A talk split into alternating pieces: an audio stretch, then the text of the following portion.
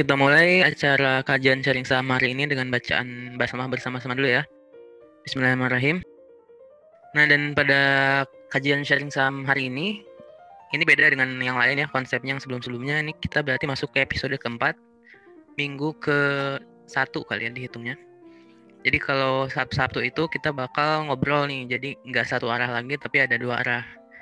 Nah, pada kesempatan kali ini, obrolan kita yaitu tentang uh, investasi di Indonesia gitu dan pengisinya juga orang dari orang BKPM ya. Nah jadi mudah-mudahan di sini teman-teman nanti banyak belajar. Kita di sini santai. Nanti kalau ada yang mau tanya jawab juga langsung bisa raise hand dulu biar langsung ngobrol aja. Nanti saya aktifin mikrofonnya. Ya jadi sebelum kita mulai narasumber kita kali ini itu adalah Miftah Nur Huda ya. Dia itu teman kuliah saya di Teknik Industri di Telkom. Dan dia sekarang bekerja di BKPM Cek Mif, gimana Mif kabar? Halo, halo. Dengeran Dik ya? Dengeran, dengeran. Oke, aman. Gimana kabarnya? Alhamdulillah sehat, Dik. Gimana kabar? Sehat. Alhamdulillah. Miftah ini kita kenalan dari tingkat satu ya Mif ya? Iya, dari masih maba ya zaman-zaman. dari maba. Jadi 2017 tuh kita kita kayaknya nggak banyak ya dulu waktu mahasiswa itu yang yang ikut investasi saham itu jadi ya, kita ya, sempat ya. ikut grup pom pom itu bayar empat ratus lima puluh ribu patungan berdua buat dapat rekomendasi itu ya. buat dapat rekomendasi harian itu. Terus sekarang nggak kepake.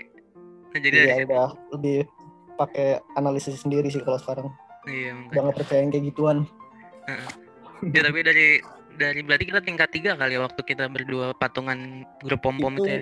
Kalau gue mulai saham tingkat empat sih. Tingkat empat ya. Pas udah mau lulus lah hmm. tahun 2018 pertengahan itu. Nah makanya dari kan kejadian juga dulu yang ngajak-ngajak kan? Iya. Karena dulu kalau kita mau belajar saham harus masuk ke gedungnya MBTI ya biasanya, gedungnya bisnis. Iya itu yang di Fakultas Ekonomi itu anak-anak uh-uh. manajemen biasanya yang masuk yes. Iya, sana. Sekarang itu gampang banget orang buat belajar saham nih. Iya emang, makanya Akses. itu udah retail sekarang udah jauh banget lah dari, dari yang dulu-dulu kita mulai awal-awal itu. Tapi btw kita ngobrol pakai apa nih, lu gua atau orang mana gitu? Ya senyamannya aja lah. Senyamannya pemirsa juga gimana enaknya. Yuk mau bahas apa kita malam ini? Sekarang kita bakal bahas dari dulu pakai lu aja ya lu gue ya. Boleh boleh. Jadi gini Mip kan lu dari dulu kuliah ya. Kuliah dulu tuh sibuk di himpunan ya yang orang lihat tuh. ya gue paling sering tuh ya. Nah terus kenapa bisa masuk ke investasi gitu kerja mana? Kerja lu juga sekarang di BKPM kan ya yang berhubungan dengan modal-modalan gitu. Kenapa tuh? Oh iya iya. Sebenarnya nih sesuatu yang nggak direncanakan sih tapi ya emang passionnya setelah, setelah kebetulan kan pas abis lulus kuliah itu lagi semangat semangatnya belajar saham. Nah terus hmm. kebetulan abis itu ada pembukaan CPNS juga tuh pembukaan CPNS pertama nggak tahu nih apa tuh BKPM nggak pernah dengar juga kan apa badan mungkin lu bisa jelasin apa sih BKPM uh, ke yang dengar dengerin ini? Oh iya buat buat yang masih awam tuh BKPM itu adalah sebuah lembaga negara non kementerian yang tugasnya itu membuat kebijakan atau regulasi terkait penanaman modal asing dan penanaman modal dalam negeri. Jadi buat teman-teman yang punya perusahaan itu pasti akan ngurus izinnya itu ke BKPM tapi gak usah khawatir karena sekarang udah online semua jadi nggak perlu datang langsung ke kantor. Cukup di sistem kita nama namanya ada sistem OSS jadi cukup satu pintu lewat situ daftar sampai nanti ngurusin perizinan itu bisa lewat situ. Kurang lebihnya gitu sih Fik. Hmm. di job desk lu sendiri apa tuh? Dari dari BKPM yang ya. kalau di gue itu di bagian pengendalian. Jadi ibarat ini yang dibagi di proses bisnis terakhirnya nih ketika perusahaan itu udah masuk rencana investasinya udah masuk tugas dari yang pengendalian ini itu adalah mencatat realisasi investasi yang udah mereka realisasikan. Jadi misalkan ada perusahaan bangun pabrik pabrik roti misalkan sekitar nilainya 10 miliar. Nah itu itu mereka wajib lapor berkala setiap tiga bulan. Ada ada formatnya namanya laporan penanaman modal LKPM laporan kegiatan penanaman modal. Itu wajib lapor dan kita tugasnya di gua itu sebagai analis tugasnya ya ngecatat-catat yang itu nge-review yang dilaporkan oleh perusahaan kadang kalau diperlukan juga ada kunjungan ke lokasi proyek buat ngecek apakah yang dilaporkan oleh perusahaan ini sama dengan yang kondisi real di lapangannya kayak gitu sih Fik. Hmm, tapi tapi itu fokus ke yang ada asingnya atau enggak juga? Oh enggak, PMA dan PMD penanaman modal asing dan penanaman modal dalam negeri. Jadi Walau kalau dia misalkan ada perusahaan pengusaha lokal patungan sama pengusaha asing nih 50-50 gitu itu tetap dihitung PMA. Kalau Hmm. PMDN itu dia 100% lokal sahamnya. Tapi eh, buat ini aja buat sharing aja BKPM ini nggak ada kaitannya dengan apa ya saham-saham di bursa. Jadi kalau di bursa itu kan portfolio Fik ya. Mhm. Kalau kita ini ngurusnya investasi langsung. Jadi ya real investment lah yang bentuk Yang fisiknya ya. kelihatan gitu. Eh, bukan cuma sekedar surat-surat berharga doang kayak gitu. Hmm, oke. Nah berarti lu sebelum masuk eh kerja di BKPM itu kan eh, belajar saham dulu ya? Ya belajar bareng. Timelinenya berarti eh, kuliah akhir, terus saham, terus cari kerja masuk BK BKPM tuh ya? Iya gitu. heeh. Nah terus dulu tuh alasan lu ikut masuk investasi saham itu apa sih sebelum kerja itu? Nah itu sebenarnya karena ini sih dulu gue sering baca buku juga emang udah ada niat investasi dari semenjak awal-awal kuliah cuman bingung nih nggak tahu nggak tahu cara gimana kan. Kalau orang awam pasti bingung lah ya. Apalagi saham ini kan ibaratnya cuma mainan orang-orang orang-orang profesional lah yang ngerti banget tentang saham gitu. Gue baca dulu buku ini Rich Dad Poor Dad tuh. Itu Hmm, kan dia, dia ngajarin tentang investasi apa naikin passive income kayak gitu-gitu. Salah satu asetnya kan dia bilang saham tuh Pik. Hmm. nah dari situ gue mulai cari tahu nih gimana caranya beli saham kayak gitu-gitu nah kebetulan ada yang udah mulai nih salah satu teman gue nih namanya Hmm. Fikri Abdul Hakim waktu itu Nah, banyak sharing lah ke dia tanya-tanya ternyata si Fikri ini udah udah udah buka rekening saham dia dulu untungnya kita bertemu ya, Iya. kita patungan. Nah, ternyata gampang juga bikinnya cukup online datang ke kantor untuk verifikasi besoknya jadi dan dulu itu modalnya nggak gede ya kalau nggak salah cuma satu juta itu udah bisa masalah Iya ya. Jadi dulu Sama tuh kalau salah. Berarti dulu tuh mulai tuh karena suka belajar dulu ya, suka belajar Iya. belajar ekonomi dulu mungkin ya, belajar ekonomi, Mm-mm. belajar gitu-gitu. Betul, betul. baru ngerasa saham itu cocok nih buat di apa ya istilahnya di, Di dipaksakan masuk prospek, gitu ya jadiin Iya. prospek gitu. nambahin jajan lah uang jajan Hmm. Tapi dulu pernah ngebandingin nggak sebelum masuk ke saham itu pernah ngebandingin nggak? Misalkan kalau gua beli emas atau gua invest Oh, reksadana iya gitu. iya iya dulu pas kuliah gue ikut ini nabung emas juga Pik. nabung emas di dulu di pegadaian gue masih inget tuh. Tiap bulannya nyetor ke sana kan. Waktu harga per gram itu masih lima ratus ribu. Dan sekarang tuh Sembilan ratusan ya? sekarang 900-an ya? Kemarin 900-an. 900 juta itu berarti kan udah hampir berapa tahun tuh dari gue dari 2016 lima tahun aja baru 100 baru dua kali lipat ya. Nah itu kan ibaratnya kalau dibilang kalau bisa dibilang kan cukup ini ya kalau dibanding saham kan cukup nggak begitu lama eh nggak begitu bagus ya ininya Iya. returnnya Hmm. makanya gue akhirnya lebih fokus ke saham sih Pik. Oh, oke. Tapi sekarang setelah lu bekerja nih, setelah ada ada income, itu Mm-mm. sekarang investnya ke mana aja tuh? kalau sekarang lebih diversify sih jadi saham itu ya sekitar 30-40 persen lah dari total aset 30 persen lah sisanya dibagi-bagi ada ke P2P reksadana rencananya ke depannya mau nyoba ini sih ya langsung real aset kayak Fikri gini bikin startup cuman nggak tahu deh kapan Oh, jadi sekarang udah jadi tahapannya sekarang udah diversifik- diversifikasi ya. Dulu ya fokus ke gimana caranya dapat uang, sekarang gimana caranya ngamanin aset mungkin ya. iya betul betul Hmm. Nah, terus kalau buat kan berarti sekarang udah kalau ini P2P masih jalan P2P lending. P2P masih masih Oke. masih ya sama lah kurang lebih presentasi sama kayak yang saham buat supaya ada apa ya bel supaya balance juga sih karena sekarang kan saham lagi fluktuatif nih Jadi emang di di pandemi ini kalau orang yang fokus di saham baru paham ya. Jadi kalau yang baru Mm-mm. mulai terus baru masuk saham terus harga turun tuh baru ngerasa wah butuh banget diversifikasi emang. tapi justru mereka yang masuk pas di an- pandemi itu yang bulan Maret April tahun lalu itu enak enaknya mereka langsung ngerasain cuan sih Pik. Iya benar. kan minyak itu langsung naik naik terus tuh sampai akhir tahun Tapi kalau lu ada ini nggak sih sempet mungkin takut nggak sih kalau orang-orang yang angkatan pandemi gitu yang baru-baru terus dia masuk di harga murah gitu ya? Mm. Eh, lu takut mereka nggak sustain nggak sih? Kayak misalkan tahun depan apakah mereka bisa tetap kayak gitu portofolionya, grafiknya? nah itu dia kebanyakan kalau di kantor gue kebetulan cukup banyak juga nih yang sharing-sharing tentang saham ternyata mereka kebanyakan itu bahkan usianya yang jauh di atas gue tuh mereka baru mulai main saham itu ya pas, pas saat pandemi gini jadi karena ngelihat orang-orang juga kali ya karena banyak uang nganggur juga kan nggak ada spending sama pandemi jadi uangnya banyak diinvestasi di sana. Nah kemarin tuh gue lihat rata-rata yang pas bulan apa yang November Desember kan sempat agak turun tuh ya. Ya, tapi karena itu mereka agak kaget juga sih waktu itu. Katanya loss apa gain yang mereka dapat selama April November tuh hampir hilang semua lah banyak yang kayak gitu sih. Nah itu masih banyak yang perlu belajar kayaknya. Ya belajar bareng lah. Ya sih karena gue juga takutnya dengan orang-orang yang baru terus panikan gitu ya bisa juga mempengaruhi Ah. flukta, fluktuasi harga Iya, kita mak- kan ya. makin fluktuatif ya. Mm, Mungkin kalau banyak orang-orang baru harus gue juga lihat akun-akun belajar itu harus pintar-pintar milih juga sih ya kalau orang-orang baru itu mana akun yang ngasih rekomendasi beli gitu. Itu kan bahaya tuh. Sekarang banyak makin banyak sih pom-pomers kayak gitu Iya. Yang benar. merekomendasiin tanpa tahu apa belajar fundamental dan teknikal kayak gitu. Mm-mm. Nah, terus kan lu berarti sekarang eh, invest di saham terus di emas masih jalan, Mas. Mas udah enggak sih, udah dikit lah di sisa Berarti saham reksadana ya? ya P2P juga. P2P. Tiga Nah, itu yang- teknik yang lu pakai tiap di, apa tiap eh, komoditas saham eh komoditas investasi itu apa aja misalkan saham teknik yang buat kapan beli jualnya teknik apa kalau P2P caranya gimana itu bisa jelasin nggak? eh, dari yang mudah dulu kali ya kalau kalau P2P ya tiap bulan aja sih Vic, top up terus cari apa namanya proyek-proyek yang returnnya cukup bagus. Sama sih reksadana juga kayak gitu ya top up bulanan. Kalau itu sih cenderung lebih murah karena nggak kita nggak ngebaca chart ngebaca grafik. Nggak sesulit Hmm. saham ya tapi kalau saham ini kan baik kayak dipelajari nih. Jadi ya belajar juga fundamentalnya. Kalau misalkan mau milih saham dilihat dulu PBV harga bukunya kayak gimana terus ROI-nya juga kayak gimana. Technical juga gue pakai sih cuman yang paling gue iniin sekarang itu lebih ngeliat sentimen sih Vic. jadi Hmm.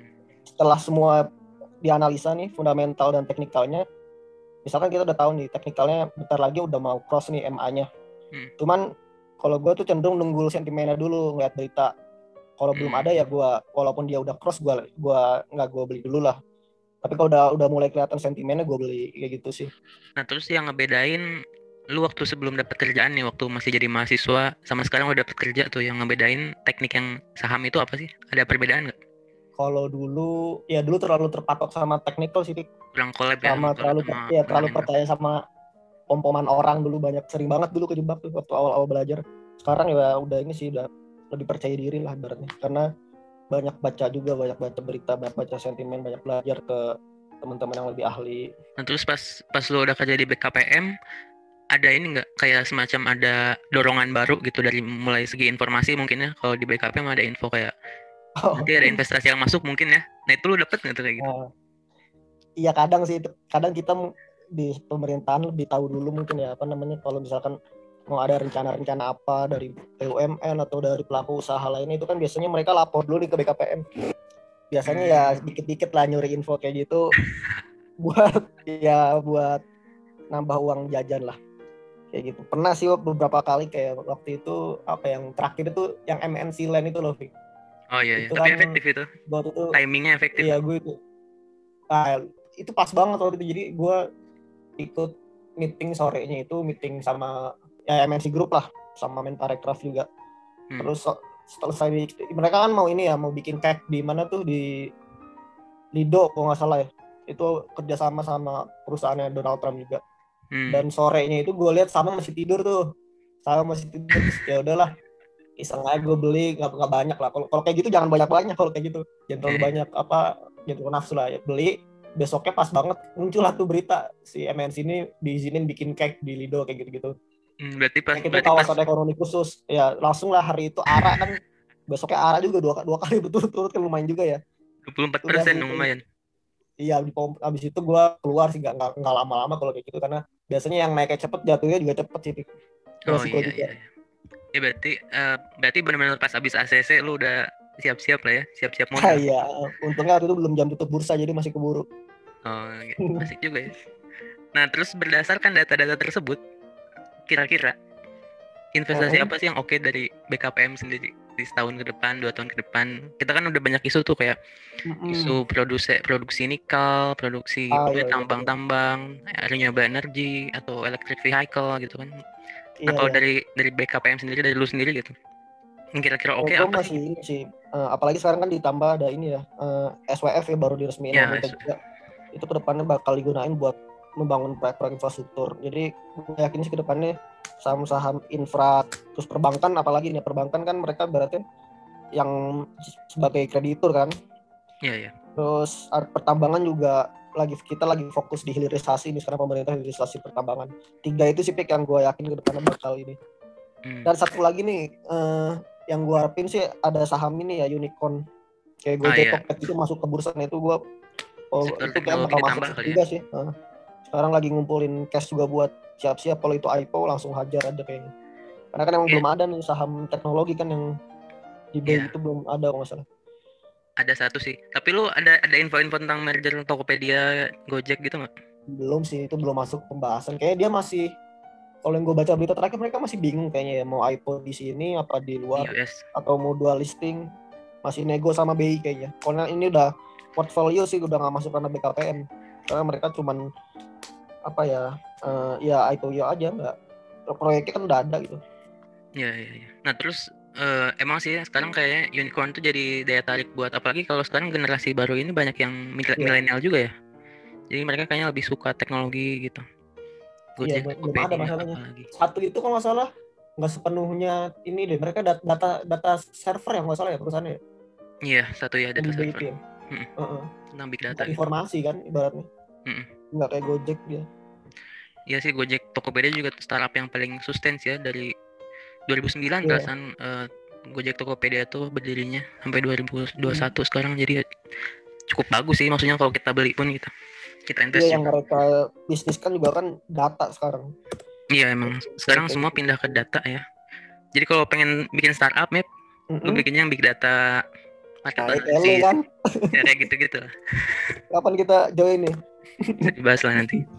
Nah, berarti berarti kalau menurut pandangan lu yang ke depan bagus itu perbankan karena pertama. perbankan kreditur tadi ya, iya terus juga infrastruktur dan tambang. Mhm. Kalau tambang ini lebih ke ini sih karena kan ke depannya renewable energy itu nggak akan ada apa-apanya kalau kita nggak punya sistem buat menampung kapasitas listriknya. Jadi bat baterai itu bakal digunain buat menampung apa listrik yang berlebihan itu. Hmm. Jadi nikel juga bakal terus naik sih kalau kata gue walaupun kemarin ada sedikit isu tuh yang Tesla katanya nggak bakal gunain nikel jadi mereka bakal pakai besi ya kalau salah. Iya, Tapi iya. tetap secara teknologi masih itu nikel. Hmm. Tetap paling bagus nikel kalau buat baterai. Tapi tapi pabrik baterai ada yang mau dibangun di Jawa Barat kan yang udah udah groundbreaking yang LG. Kita udah itu eh, yang Hyundai ya eh, sama Hyundai? LG kan nggak salah LG. Iya itu. Itu udah jalan kan proyeknya. Iya LG Chem udah masuk. Lithium ion ya. denger-denger ini eh, dari China juga ada yang mau masuk perusahaan baterai BASF. Eh Eropa BASF kalau nggak salah. Eropa ya, yang Iya. China itu CATL ya, CAT, ya antara dua itu, dua itu pengen masuk juga sih lagi nego di kita, cuman belum ada bocorannya dari pimpinan. Hmm. Tapi, tapi harga nikel kita masih aman kan ya info-info terbaru. Nah, ya itu dia sih itu salah satu strategi pimpinan kita waktu itu kan kita stop ekspor nih.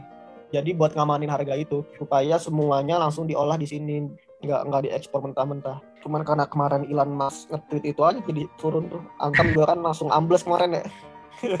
NTM, NCO tuh Inco Iya. Antam. Itu kok Hmm. Antam langsung gara-gara Elon Musk nge-tweet gitu. Nah terus buat teman-teman di sini nih yang mau nanya langsung lah, kalau mau nanya langsung lewat voice aja, nanti raise hand, nanti saya unmute ini suaranya. Jadi kalau mau nanya Oh, langsung itu nanya aja ya. Nah terus tadi kita udah bahas nikel, terus kalau investasi cryptocurrency, ini kan isu baru juga tuh yang lagi panas banget sekarang. Orang masih bingung Hmm. gitu. Sedangkan kalau di, di luar di Eropa, cryptocurrency itu udah kayak investasi saham gitu. Maksudnya udah Iya. orang banyak yang tahu. Kalau di Indonesia sendiri gimana tuh? gue gue kalau belum ada ke jaminan dari pemerintah belum berani sih Fik. gue pernah dulu sebelum saham tuh justru gue lebih pernah nyoba bitcoin dulu tapi Hmm. waktu itu gue beli lagi di harga tinggi tingginya tuh terus berapa bulan bulan anjlok nah trauma lah gue setelah itu sekarang mat nyoba sih dikit dikit tapi nggak begitu banyak iseng iseng aja nggak nggak diseriusin kayak saham gini Hmm. oh lu gimana Pik? tentang kripto ini Kalau gue kripto, pemerintah tuh udah ngebolehin kripto legal mulai tanggal 22 Oh, ya? Februari. Heeh. 22 Februari. Nah, mulai itu Hmm. gue masuk. Tapi di situ kripto dibolehin untuk aset investasi. Jadi kalau buat transaksi nggak tahu sih sekarang apakah udah boleh atau enggak. Cuman kripto sendiri yang gue baca itu ada serat, ada 200-an gitu ya. Cryptocurrency kayak Bitcoin, Ethereum, lain-lain yang asetnya besar udah boleh masuk sih, udah masuk di Indo. tapi mereka nggak berizin OJK kan ya Belum, dia masih Belum. eh, Direktorat Perdagangan baru ACC dari ya Mm-mm. oh Nah ini ada yang ada FM nih, FM mau nanya langsung udah di unmute. Halo, halo Kak Fikri. Assalamualaikum. Ya, gimana Halo, FM? Ah iya nih Kak Miftah. Pikir aku mau nanya dong. Uh, tadi kan kalau sekilas dari penjelasan kami kan kami itu diversifikasinya banyak ya ada saham, peer-to-peer, reksadana dan lain-lain. Uh, mau nanya dong, uh, pertimbangan untuk banyaknya diversifikasi itu apa sih? Terus kan tadi dia uh, kami bilang kayak saham 30%. Nah, itu aku secara aku kan basicnya masih belum tahu ya uh, untuk diversifikasi itu sekarang sih fokusnya masih ke saham aja nih. Jadi diversifikasinya paling beda saham, beda uh, first linia dan second linia aja gitu. Nggak, belum kepikiran untuk masuk peer to peer ataupun reksadana sih. Reksadana udah pernah, cuman sekarang lagi nggak fokus di reksadana. Nah, itu gimana tuh uh, buat yang pemula-pemula kayak aku tuh uh, untuk diversifikasi secara lebih dan porsinya tuh kayak gimana nah kayak gitu sih paling oke okay, thank you FM aku jawab pik dia aku yep. jawab pik ya kalau dari saya sih kenapa diversifikasi karena ngelihat situasi pasar sekarang sih lagi fluktuatif gini jadi aku nggak terlalu banyak main di saham kalau sekarang. Kalau peer to peer lending kan walaupun beresiko tapi kan udah pasti tuh apa namanya returnnya ya. Udah tiap bulannya udah berapa nah kalau reksadana ini aku pakai emang buat jangka panjang aja. Jadi emang tiap aset aset portofolio yang aku investasi ini tujuannya itu beda-beda. Kalau reksadana emang buat pensiun rencananya jadi tiap bulan top up rutin.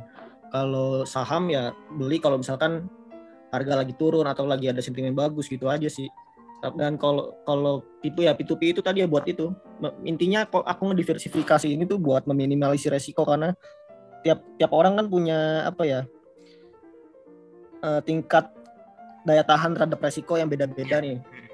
Kalau misalkan kita investasi tapi tiap hari deg-degan kan ngapain juga gitu pusing sendiri kan. Ngapain jadi investor ya? Iya, investor kayak gitu.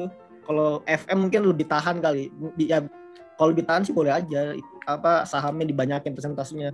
Dan itu emang nggak ada yang ini sih nggak ada yang uh, setahu aku nggak ada yang netapin harus berapa berapanya itu itu semua balik lagi ke kita sih. Tergantung toleransi kita terhadap resiko tadi. Ya, gitu. kalau pikir gimana pik kalau gue sih itu jadi uh, semua fluktuasi investasi itu kan sebenarnya semuanya fluktuasi ya. Entah itu saham hmm. entah itu reksadana jadi semuanya itu harganya bergerak. Nah jadi tiap harga itu tiap ya, komoditas investasi itu ada investor yang berbeda-beda gitu kayak tadi. Jadi pergerakan saham yang fluktuatif itu karena investor saham itu berani gitu buat melihat me mm-hmm. mentalnya berani buat lihat harga itu. Makanya saham pasti lebih fluktuatif. Tapi kalau ada investor yang kurang berani gitu ya lihat fluktuasi harga masuknya reksadana gitu. Jadi nah itu yeah. jadi tiap orang punya punya kepanikan berbeda gitu ya. Mm. ada yang masuk saham panik nah itu nggak baik sih jadi mending yang yang tenang aja gitu.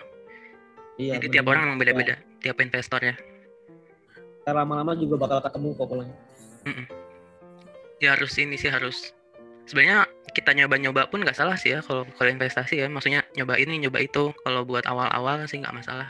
Dicoba-coba iya, aja justru semakin mudah itu harusnya emang banyakin di saham sih supaya growth-nya lebih lebih cepat ya. tapi ya itu harus toleran terhadap resiko tadi itu kan yang sulit yeah. Tapi kalau kita udah belajar udah sering apalagi belajar sama yang ahlinya sering sharing juga itu tuh yang bakal memperkuat toleransi kita terhadap resiko tadi. Jadi mau harga naik turun kayak apa kayak kalau kita yakin saham itu bagus ya, ya boleh lebih banyak investasi sahamnya. Hmm. Ya, makanya makanya gue juga bikin sharing saham itu pengen modelnya kayak kayak kita mentoring kalau mentoring agama Islam gitu ya. Kita mentoring agama Islam kan tiap minggu ada dibimbing gitu ya. Kayak yeah. saham itu butuh orang-orang baru apa investor baru saham itu butuh bimbingan gitu sih. Karena investor itu kan harus tough ya, harus kuat, harus istiqomah gitu ya istilahnya jadi minggu ini harus kayak gini minggu depan tetap harus kayak gitu gitu jadi kunci investor dilatih di situ sih bagus pertanyaannya mungkin yang lain ada bisa reaction aja langsung tapi lu lu termasuk yang gak terlalu kuat. Gue sedang ya. sih sedang sedang sebenarnya bukan gak kuat sih kayak cuman males aja gitu kayak harus liatin tiap hari soalnya paling gue paling gak tahan sih kalau harganya naik turun gitu iya benar benar ya, semakin usia semakin tinggi juga kita kayak sayang juga ya kalau ngabisin waktu buat kayak gitu gitu. Um, mending yang udah yakin yakin aja lah. Gak kerasa udah setengah jam. Udah setengah jam ya. kalau misalkan minggu depan nanti lu isi lagi gimana? Oh boleh, ntar gue cari kalau ada waktu luang deh ya. Yang ngobrol santai aja sih. Uh, ini ada yang nanya lagi tuh di kolom okay. chat. Oke. Kalau investasi emas gimana? Atau trading gold vs trading saham lebih besar resiko yang mana? Lu atau gue yang jawab? Boleh lu dulu. Kalau emas itu termasuk yang low risk sih, eh, low risk investment. Jadi emas itu harganya fluktuatif tapi tidak se tidak sefluktuate saham gitu. Jadi kalau naik tuh sehari misalkan naik nggak bakal naiknya 24% kayak saham gitu. Ah, benar. Turun 6% kayak saham itu nggak bakal kalau emas ya. Jadi resiko yang paling besar itu saham sih. Kalau emas itu aman banget resiko, eh, resikonya nggak terlalu tinggi. Itu sih jawaban. Ada tambahan Iya. mungkin? Kalau gold itu menurut gue bukan buat trading sih, karena kalau trading kita bakal rugi. Soalnya harga beli dan harga jualnya itu kan ada selisih tuh. Nah, kalau ya. orang yang nggak pinter ngebaca harga kayak gitu, gitu pasti dia bakal rugi. Jadi paling safe emang buat nabung sih ini buat jangka panjang kalau gold. Dan ya kurang liquid juga kan ya. Kalau kita buru-buru jualnya pasti yang beli juga murah gitu. Kalau saham kan pasarnya lebih terbuka nih. Beli hari ini besok jual asalkan harga sesuai dan profitable ya why not gitu untuk dijual. Iya, ya. kayak misalkan kita beli emas tapi 50 triliun gitu ya itunya. Itu baru kerasa. Itu ada kayak yang di Surabaya ya. Iya kan kayak gitu. Jadi dia beli emas satu triliun gitu. Ah kurang nih 2 triliun sampai 500 triliun. Nah itu kerasa kalau beli emas. Iya, harus gede modalnya. Karena sama aja sih kayak komoditi lainnya kalau emas kayak kita beli apa ya nimbun BBM kayak gitu-gitu kan. Nah terus nih gue mau nanya tentang sesuatu yang lebih teknis sih. Kan di saham itu ada Sky Energy, kode sahamnya JSKY. Dia itu produsen solar cell. Mm-mm. Solar cell termasuk renewable energy kan ya? Kalau Iya. menurut lu eh, renewable energy tapi solar cell gitu, itu menjanjikan gak sih buat kita? Kalau sekarang ke depan sih pasti menjanjikan ya, cuman gue nggak tahu nih apa karena kurang pasarnya kali ya sekarang belum kelihatan sih kalau buat ininya. Tapi ke depan pasti bakal ini seiring dengan program pemerintah yang bakal naikin tingkat komposisi energi terbarukan jadi berapa persen gitu. Itu Oh, ada pengaruhnya ini nggak dari presiden US terpilih kan Joe Biden itu salah satu programnya itu naikin renewable energy terus eh, naikin sektor marijuana ya sektor apa ganja buat jadi Oh, obat legal itu ya, legal, legalisasi. legalisasi itu ada nggak sih pengaruhnya harga harga saham-saham yang sektor tersebut ke kita di Indonesia dan dari US gitu maksudnya Kayaknya waktu awal-awal Biden kepilih itu saham-saham renewable langsung pada naik deh. Tesla kita perhatiin kan dulu sempat ini pasti Biden terpilih itu. Tapi JSKY kayaknya apa gue yang kurang merhatiin ya kayaknya nggak nggak begitu ini sih pergerakannya. Hmm. kurang berasa aja. Karena kayaknya buat solar cell gitu ya buat panel surya kayaknya lebih panas ini ya isu-isu baterai terus isu-isu ah iya benar-benar. isu-isu soalnya saingannya berat juga pik di soal panel surya itu. Sebenarnya harganya udah murah sih apalagi kalau kita ini ya dari perus- perusahaan dengan teknologi yang udah bagus terus skala produksi gede mereka bisa jual lebih murah dengan produksi JSKY marketnya udah banyak pemain di luar yang lebih efisien daripada itu. Tapi ya Hmm. terus dukung sih produk dalam negeri ya. Iya sih. Semoga ntar bisa inilah ya tapi sama. CEO-nya nggak tahu orang Indo apa orang luar. Iya. Setidaknya dia di Indonesia lah. Jadi renewable energy bakal jadi panas ya kayaknya ya buat Iya. investor ya. Dua tiga tahun ya ke depan kayaknya teknologi juga. Apalagi Indonesia benar sih emang iya. termasuk baru banget ya buat teknologi. Bener. Isu-isu teknologi kayak nanti bakal ada ada apa ya? Mungkin banyak yang panik buying kali ya. Beli beli apa ya? Beli takut ketinggalan harga FOMO. FOMO FOMO. Kalau teknologi baru. Iya. Btw kita mungkin nggak terlalu lama lagi Beb. udah 34 menit. Jadi Hmm. eh, mungkin dari dari lu sendiri ada yang mau ditambahin nggak? Misalkan pesan-pesan buat yang dengar di sini gimana cara dapet info-info kayak gitu atau apa sih Oh. tipsnya buat mana kan udah dari dulu tuh, dari akhir akhir kuliah invest saham sampai sekarang pasti ada tips and trick atau pesan-pesan terakhir untuk orang-orang baru gitu atau orang-orang yang invest saham baru masuk di angkatan pandemi gitu. Pesannya apa? Kalau dari gue sih jangan males baca untuk jangan males memulai belajar hal baru ya.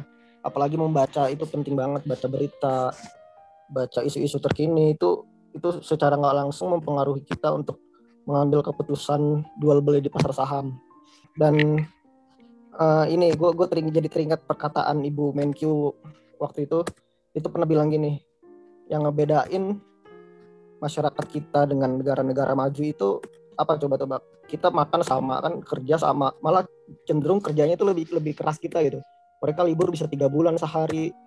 Kita libur udah tentuin sama pemerintah kan ya libur bersama itu pun masih dipotong gara-gara pandemi. Iya. Ternyata yang ngebedain itu kalau kita di sini kerja keras buat dapat uang, kalau mereka di luar negeri itu uangnya bekerja keras untuk mereka. Jadi aset-aset mereka itu benar-benar dimanfaatin untuk Hmm. kesejahteraan masyarakat di sana. Itu yang masih mindset kita tuh masyarakat kita masih banyak yang belum memahami berapa seberapa pentingnya aset buat menghidupi dan mensejahterakan kita sih. Oh gitu iya ya. Itu sih penting sih penting banget ya berarti. Emang sih gue lihat sih kalau di luar itu orang-orang lebih melihat uang itu sebagai apa ya? Uang itu kayak bukan primer gitu. Tapi kebutuhan primernya itu mereka ya barang konsumsinya atau barang investasinya, bukan dari uangnya itu sendiri mungkin. Ya itu sih. ya. Ya oke mungkin eh, jadi mudah-mudahan dari ngobrolan kita kali ini banyak mencetak investor baru ya yang memilih investasi daripada konsumsi lebih menghargai aset. Oke teman-teman di sini mungkin cukup sekian eh, kajian sharing saham pada malam ini. Mudah-mudahan banyak menambah inspirasi ya. Nanti kita ketemu lagi hari Selasa, Selasa, Kamis dan Sabtu. Jadi buat teman-teman yang masih ada pertanyaan atau ada di otaknya ada apa nih yang mengganjal buat masuk saham yang belum mulai gitu ya mungkin atau masuk investasi yang belum mulai bisa langsung tanya di grup Telegram sharing saham. Kurang lebihnya mohon maaf. Eh, makasih banget nih Mif udah udah meluangkan waktu buat kajian sharing saham. Yoi sama-sama. Mudah-mudahan dari teman-teman yang ikut sini bisa belajar banyak ya, nggak mengurangi kesalahan, mengulangi kesalahan kita di masa lalu. Amin. Oke, terima kasih semuanya. Wassalamualaikum warahmatullahi wabarakatuh. Waalaikumsalam.